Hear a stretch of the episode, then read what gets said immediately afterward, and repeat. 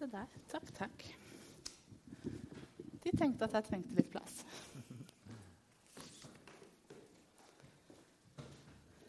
God morgen og god påske.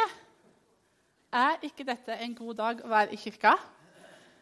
Um, jeg, set, altså jeg, tenker Det er ingen dag uh, i året som jeg har mer lyst til å være sammen med menigheten min enn på første påskedag.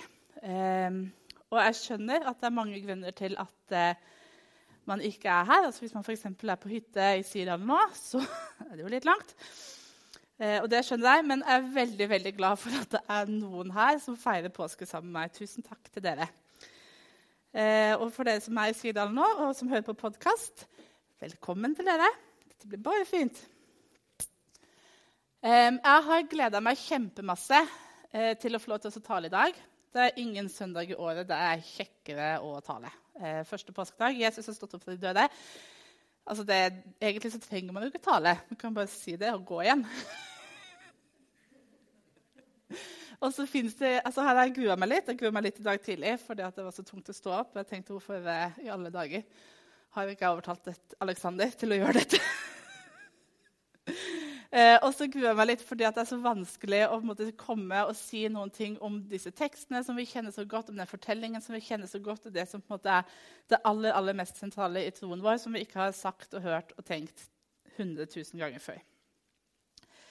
Men det er første påskedag, og det er påskemorgen som slukker sorgen. Og det er den dagen i historien som har hatt aller mest innvirkning og innflytelse på verdenshistorien. I det hele og store. For Jesus har stått opp ifra de døde.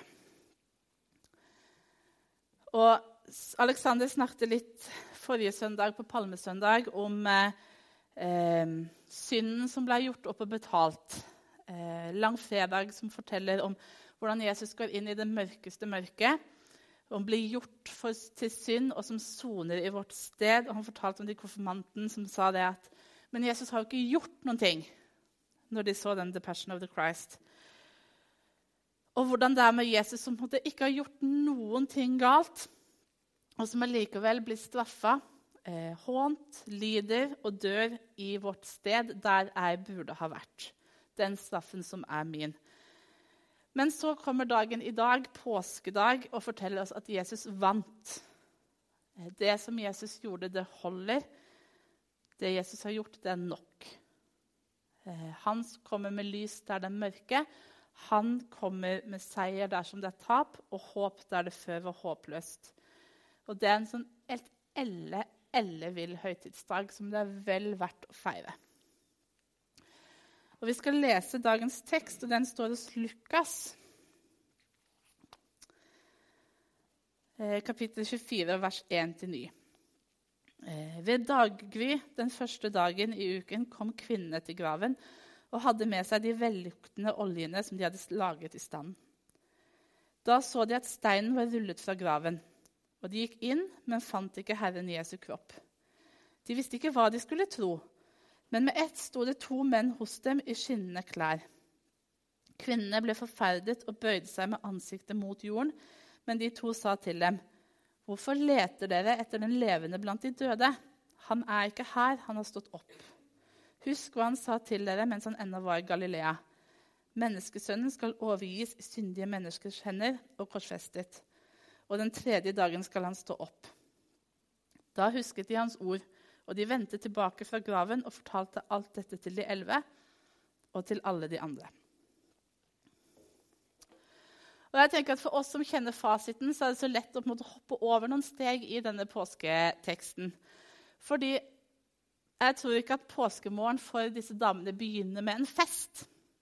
Den begynner i sorg og fortvilelse fordi at det er Jesus som de tror på, Jesus som de har fulgt etter, og som de har alle verdens forventninger til, har dødd. Eh, og livet sånn som de så for seg at det skulle bli, er ødelagt. Og jeg tror ikke at når disse damene er på vei til graven den første påskedagsmorgen, så er det på en måte løpende på lette føtter for å se nå om denne graven er tom.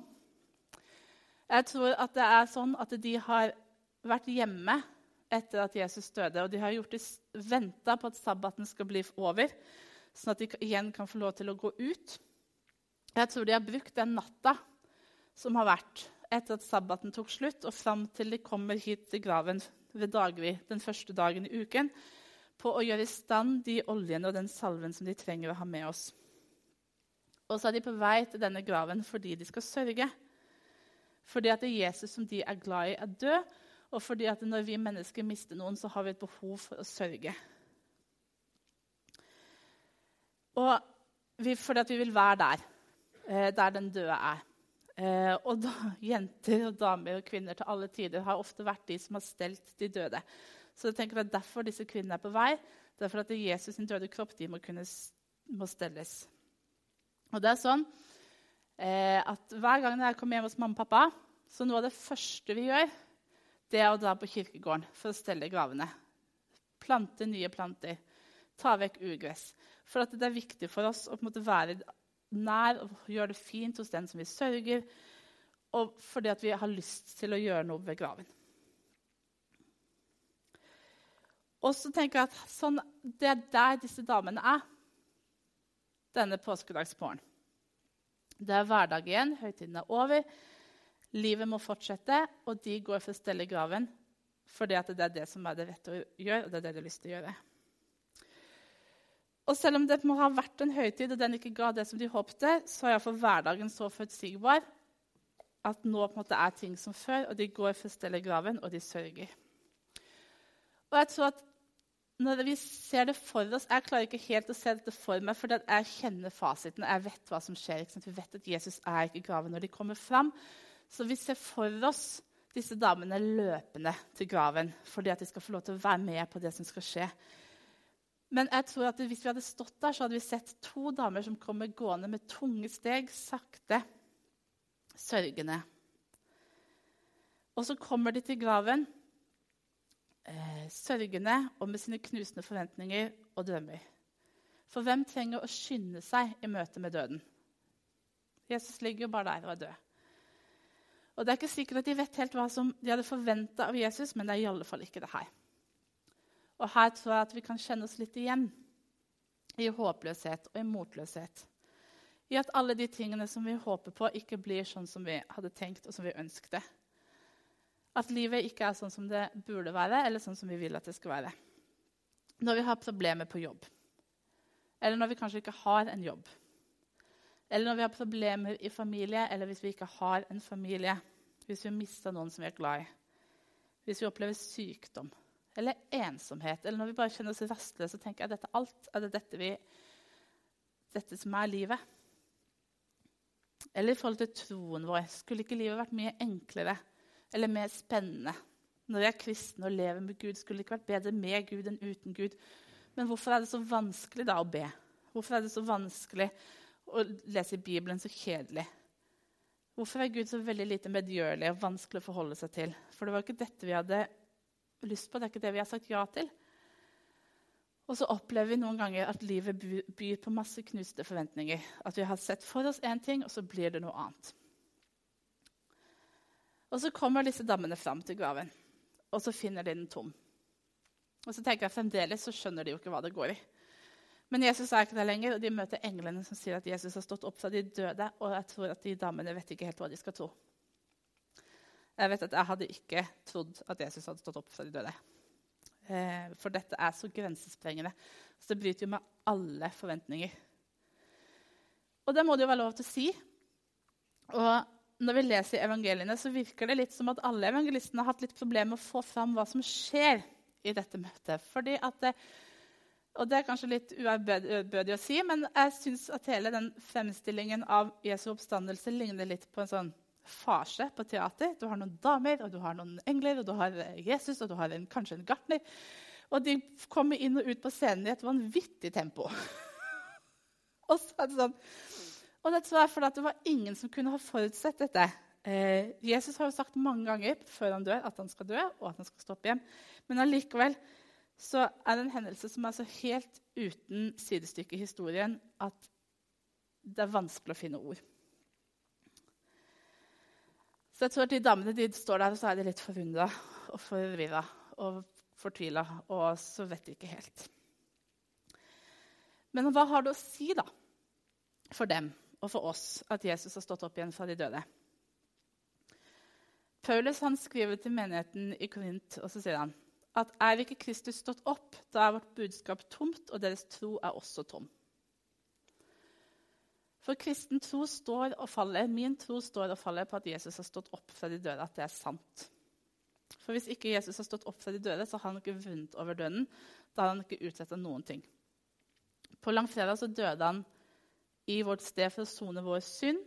Og på påskedag så reiser Gud han opp igjen. Han vinner over døden, over dødens makt, den døden som kom inn i verden pga. synden, og gjenoppretter det som var gått tapt. Og uten første påskedag, uten at Jesus har stått opp fra de døde, så er det ingen seier. Og det er ikke noe håp, ikke noe frelse og ikke noe evig liv. Det er derfor første påskedag er så viktig. Og Paulus, Når han skriver til denne menigheten i Korint, så er det for bl.a. å få fram hvor viktig dette er. Og Han skriver det for å bevise for dem at Jesus har stått opp igjen. Skriver han i 1. Korinterbrev 15. Jeg kunngjør for dere søsken det evangelium jeg forkynte dere, det som dere også tok imot, det dere også står på. Gjennom det blir dere også frelst når dere holder fast på ordet slik jeg forkynte det. Ellers blir det forgjeves at dere kom til tro. For først og fremst overga jeg til dere det jeg selv har tatt imot. At Kristus døde for våre synder etter Skriftene. At han ble begravet. At han sto opp den tredje dagen etter Skriftene. Og at han viste seg for Kefas, og deretter for de tolv. Deretter viste han seg for mer enn 500 søsken på én gang. Av dem lever de fleste ennå, men noen er sovnet inn. Deretter viste han seg for Jakob, deretter for alle apostlene, og aller sist viste han seg for meg, jeg som bare er et ufullbårent foster. For jeg er den minste av apostlene. Jeg er ikke verdig til å kalles apostel, for jeg har forfulgt kirke, Guds kirke. Pappaen min eh, han er sånn ultra naturfagmann. Eh, forsker, realist, eh, biolog. Eh, og i naturfag og realfag så er det sånn eller De snakker ikke om bevis, men de snakker om å bekrefte en hypotese. Og For å kunne gjøre det så må en ting kunne gjenskapes flere ganger. det holder ikke på en måte å se en ting én gang, men du må kunne gjenskape den hendelsen igjen under de samme forholdene. og Når det gjelder Jesus' sin døde oppstandelse, så kan ikke vi bevise det eh, naturfaglig sett. Og Paulus prøver jo heller ikke å bevise naturfaglig sett at Jesus har stått opp igjen fra de døde. Men Paulus han peker på vitnene. Og jeg syns dette er utrolig fascinerende. At når Paulus sitter og skriver dette brevet til korinterne, så peker han på folk som har møtt, sett og møtt den oppstandende Jesus Kristus, som fremdeles lever. Så eh, Gud hadde forutsatt det. Det står i Skriften at han skulle dø, det står i Skriften at han skulle stå opp igjen. Og han gjorde det, og han viste seg for Peter. Og så kjenner de jo Peter. Det er jo ikke en bare en sånn tilfeldig mann, men de vet jo hvem Peter er. Han viste seg for apostlene. Han viste seg for mer enn 500 mennesker på én gang. Eh, noen av dem har sovnet inn, men mange av dem har tydeligvis ikke det. Så underforstått, du kan og spørre en av disse 500, da.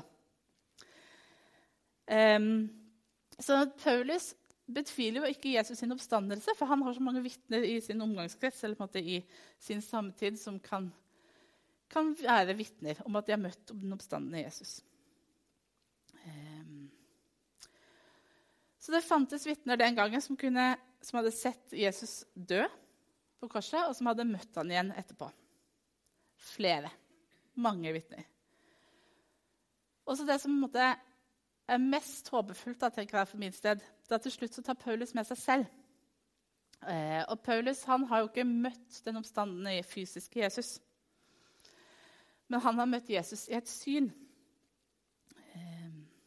Så til og med etter at Jesus måtte slutte å vise seg fysisk for mennesker, etter himmelfarten, så viser han seg for mennesker i syn. Det fins fremdeles mennesker som har møtt den korsfestede, oppstandende Jesus sånn som meg og dere. Kanskje alle som sitter her inne, som en gang har hatt en opplevelse av å ha møtt den oppstandende Jesus. Og som også kan være vitner om det. Og Gjennom 2000 år med kirkehistorie så er det mennesker som har møtt den korsfestede oppstandende Jesus, og som har vitnet om det. Og kanskje så sitter det noen her som har hatt store og kraftige opplevelser som Paulus. Eh, at Jesus en gang bare kom i et syn eller en drøm, viste seg med fysiske tegn. Paulus ble blind. Eller kanskje så sitter du her og har på en måte en mer slags stille prosess. At det har vokst seg fram en visshet i livet ditt over tid om at du virkelig har møtt den oppstandende Jesus. Men uansett så har vi opplevd det, vi har møtt han, og vi kan òg være med og være vitner om det. Og For å gå tilbake til disse damene da, som er ved graven, og som har fått den opplevelsen som de ikke helt skjønner. Som har hørt at Jesus har stått opp igjen for døde, men de har ennå ikke sett ham. Noe som de har ikke kunnet forutse selv om de hadde prøvd. De springer nå tilbake til de andre for å fortelle det videre. For i møte med den oppstandende Jesus så får de bøyde nakkene reise seg, og det blikket som har gått og sopt langs bakken på veien til graven, har fått løfte seg. Og når Matteus skriver om denne hendelsen eller om Jesu oppstandelse, så skriver han om de kvinnene. Da skyndte de seg bort fra graven, redde, men jublende glade, og de løp for å fortelle det til disiplene. Og på mange måter så er det jo ikke sånn at Omstendighetene til disse damene har endra seg. Eh, de har fremdeles eh, grunn til å være redd for romerne eh, og for jødene. Og fremdeles er på en måte alt rundt dem akkurat sånn som det hadde vært før bare med én forskjell. At nå har de møtt den oppstandende Jesus, og det endrer alt. Eh, og Sånn var det den gangen for dem, og sånn er det i dag for oss. Og Det er ikke sikkert at livet vårt, at livet ditt og livet mitt blir revolusjonerende annerledes og nytt over natta i møte med Jesus. Mest sannsynlig ikke, tenker jeg. At problemene på jobben og problemene med familie og sykdom, eh, smerte, ensomhet, alt det som har vært, det er fremdeles sånn, men med den ene og viktige forandringen at nå møter man det sammen med Jesus. Nå kan jeg møte dette sammen med Jesus, som har stått opp igjen fra de døde. Med visshet om at seier, og at den seieren som Jesus vant på korset, at den holder. Eh, og at den kommer meg til død. Eh, når jeg var tenåring og gikk her i kirka, Eh, så var det en gutt her på min alder. Hans Eskil het han Grødem den gangen. Nå heter han Vigdel. Og han er en sånn smart fyr som av og til får skrive ting i VG. Og han eh, hadde en kronikk tidligere den uka eh, om påsken. Eh, og der skriver han jeg synes det er så fint at jeg skal ta det med som et sitat. Kirken er mer enn bygninger. Den er vanlige folk med vanlige liv som følger eksempelet til Jesus. Mannen med angst, han som i påsken valgte kjærligheten. En kirke som tror at Jesus tok angsten, og at styggen henger igjen på korset. Du er ikke aleine med din angst. Ta imot påskens omsorg, om du er troende eller ei. Og så tenker jeg at Jesus kommer til disse kvinnene i sin hverdag der som de er. Når de har begynt igjen med det som var vanlige hverdagssyksler. Og Gang på gang så forteller evangeliene om at Jesus kommer og møter mennesker der som de er. Til disiplene når de sitter og spiser. Til Emmaus-vandrerne når de er ute og går på veien. Når disiplene datt ut igjen for å fiske. Når de kanskje ikke venta et møte med Jesus. Og Det sier meg to ting. For det første at Jesus har omsorg for mennesker der som de er, og med det som de går og bærer på. Og at Jesus han oppsøker oss, leiter etter oss, at han er tålmodig og viser seg gang på gang på gang helt til at vi på en måte griper det og skjønner det. At han har omsorg for meg, eh, at han har omsorg for deg der som vi er, og det som vi står i. Enten det er i det mørkeste mørket, der som vi tenker at dette kan ingen mennesker få vite om meg, dette kan ingen mennesker få se. Eh, dette er så tungt at jeg har lyst til å bære det selv. Eller om det er en helt vanlig grå hverdag, der det ikke er noe spesielt. Eller på livets solside når alt er bra. For mange mange dager så er jo alt bra. Og helt fantastisk og helt flott. Og man tenker kanskje at man ikke engang trenger Jesus, men til og med da så trenger man Jesus, og til og med da så kommer han. Og så tok Jesus angsten og straffen og døden. Jesus han har tatt det sånn at du kan slippe. få slippe å bære det selv. Sånn at vi kan få lov til å komme til Jesus med det. Og så kan han hjelpe oss med det. For å sitere Oddvar Søvik, som jeg har sitert før, og som er en vis mann som har jobbet som, som skolelagssekretær i mange år på Sørlandet, så har han sagt om påsken eh, om Jesus at Jesus er her. Han er midt iblant oss, og han er i oss ved sin Hellige Ånd. Kristus gir oss ikke bare kraft. Han er vår styrke. Han vil ikke hjelpe oss bare når vi gjør så godt som vi kan, men han vil gjøre det gjennom oss. Og så siterer han første Tessalonikerbrev, der Paulus skriver Han som kaller dere, er trofast. Han skal gjøre det. Og Jesu oppstandelse den gir håp for deg og for meg i vår hverdag hver eneste dag, uansett hvordan det ser ut. Og det andre, for det andre så er vi kalt til å være vitner. Til å fortelle om den oppstandende Jesus som vi har møtt. Akkurat sånn som disiplene gjorde det, sånn som kvinnene gjorde det. Eller de 500 som har møtt Jesus. Eller Paulus. Så kan vi få lov til å være vitner i vår hverdag. Med de menneskene som vi omgås. Familien vår, vennene våre, kollegaene våre. Og det er det vi er kalt til. Det er ikke først og fremst å bevise Guds eksistens. Eh, eller komme med all vår kunnskap, vise hvor mye vi kan. Legge ut Bibelen om kirkehistorien. Vise måte, til at fortellingen om Jesus kan måte, stå seg mot alt. Eh, det er ikke vår oppgave. Det er ikke vår oppgave å overbevise folk om at Jesus fins, eller at han døde og at han sto opp igjen. Det er Den hellige ånd sin oppgave. Vår oppgave og vårt kall det er å være vitner eh, om hva Jesus har gjort i mitt liv. Hvordan det har sett ut når Jesus, den oppstandende Jesus har møtt meg. Det er det jeg kan komme med. Og da kan jeg fortelle om den gangen da jeg møtte Jesus for aller første gang. Som tenåring. På leir. Eh, hvordan jeg plutselig bare skjønte alt. Hvordan alt, alle bibelhistorier som hadde hørt fram til da, plutselig ga mening. Og at jeg forsto at Jesus fantes på ekte. Og så kan jeg fortelle om et langt liv med Jesus deretter. Eh, om alle de gangene som jeg ber for ting og opplever at jeg får bønnesvar. Og om alle de gangene jeg ber for ting og ikke får svar.